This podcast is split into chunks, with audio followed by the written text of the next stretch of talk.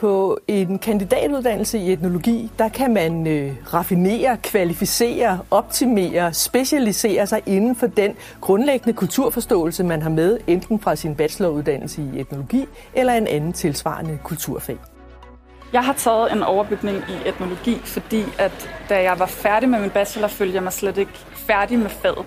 Og virkelig forstå, hvordan kulturteori påvirker den måde, man kan forstå og undersøge fænomener i verden på. Det har virkelig øh, sat sig bedre fast på kandidatuddannelsen. Der er helt klart et element på, på kandidatdelen, hvor man får mulighed for at gå meget mere i dybden. Det er kun fantasien, der sætter grænser for, hvad du kan beskæftige dig med. Øhm, jeg har personligt beskæftiget mig meget med bæredygtighed og med kulturindustrien, øhm, som er noget, jeg både personligt, men fagligt også er enormt interesseret i. En af de vigtige ting på kandidatuddannelsen, det er, at man går fra det grundlæggende niveau og så til det mere avancerede niveau. Og det betyder også, at man som studerende kan komme ind i maskinrummet, der hvor forskningen, hvor undervisernes egne undersøgelser foregår. Man kan være med til at bidrage til dem og være medforsker. Man kan tage praktik, men man kan også tage til udlandet hvis, og studere, hvis det er det, man gerne vil.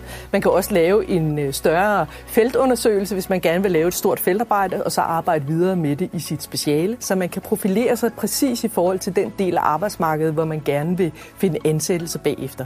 Vi bliver motiveret og foranledet til ligesom at, at prøve rigtig meget af at være kreative. Det synes jeg er kæmpe, kæmpe stor ting hos os. Jeg synes, studiemiljøet også er en øh, stor bonus på etnologi. Du har altid nogen at spare med, hvad end det er din øh, underviser, din vejleder eller din øh, studiegruppe. Jeg synes, at strukturen på undervisningen fungerer rigtig godt, fordi at hver dag ligesom er noget nyt. Med en kandidatgrad i europæisk etnologi, der er der typisk tre dele af arbejdsmarkedet, hvor etnologer typisk får arbejde. Det er dels inden for museumsfeltet, kulturarvsinstitutioner, så er det inden for offentlig forvaltning, både i kommuner og stat, hvor man kan deltage i forskellige udviklingsprojekter. Og så er det endelig inden for øh, private, offentlige organisationer, konsulentfirmaer osv., hvor man laver udviklingsprojekter eller undersøgelsesprojekter af forskellige karakterer.